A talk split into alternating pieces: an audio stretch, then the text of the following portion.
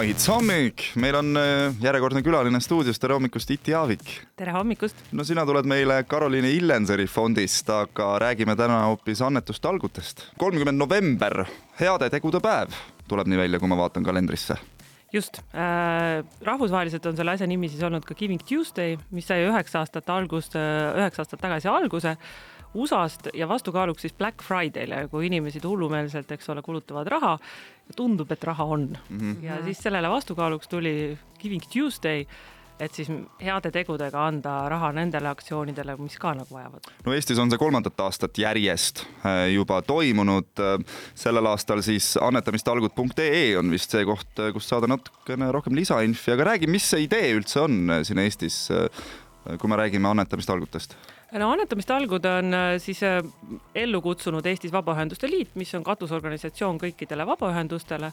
sellega siis äh, pöörata rohkem tähelepanu vabaühendustele ja aidata inimestel leida ka see koht, kuhu annetada mm., sest et mida mina ise hästi sageli tajun, on see, et jõulude aeg võetakse ühendust, öeldakse, et oi, me oleme teist kuulnud, aga noh, tegelikult, eks ole, on mingid kindlad organisatsioonid, mis hästi tugevalt tekivad meedias esile mm, -hmm. aga on väga palju väikseid, kes kunagi võib-olla ei anna raadiointervjuusid ega kunagi kuidagi kuskile püünele ei satu.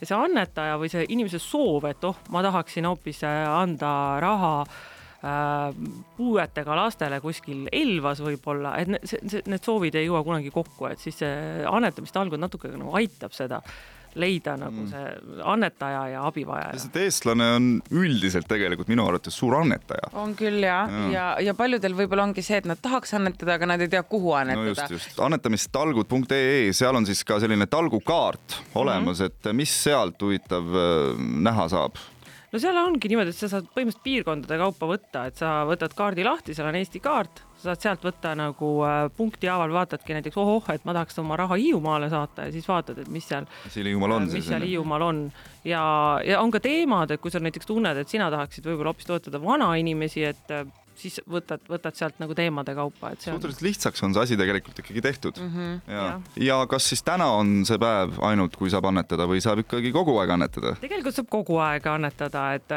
et annetamiste algud on natuke tehtud ka sellises nagu lõbusas võtmes, et ma ei tea, et näiteks meie organisatsioon, me ütleme, et kui me saame, leiame seekord algutega kakskümmend püsiannetajat, siis ma viin lapsed Äh, Paasiku koertemõisa mm. -hmm. ja samas äh, mõni on öelnud, et kui me nüüd kogume teatud kindla hulga raha, siis me lähme kõik terve juhatusega jää suplema või noh mm -hmm., mingeid erinevaid siukseid vahvaid aktsioone, et inimestel tekib ka nagu see, et oh, et nüüd on nagu veel tuhat eurot puudu või viiskümmend eurot puudu, et ma nagu annetan, et siis nad teevad seda pulli veel ka. kui on tõesti mingi südamelähedane organisatsioon, äh, tunned, et tahaks seda igapäevaselt toetada, siis ongi üks võimalus, paljudel organisatsioonidel on kodulehel olemas ka see koht, kus on, et hakka püsiannetajaks ja seal on nii-öelda kõik juba step by step sulle ette tehtud, kuidas ennast püsiannetajaks teed. teine võimalus on oma pangas sõlmida otsekorraldusleping. Iti, suur aitäh sulle, loodame, et annetamiste algud lähevad edukalt, sest et siin viimastel aastatel või noh, need kaks korda, mis siin on olnud, et mm -hmm. summa on olnud ikkagi üpriski märkimisväärne, mis on kokku kogutud. suur aitäh sulle ja edu! aitäh teile! Wake up Estonia. This is my morning on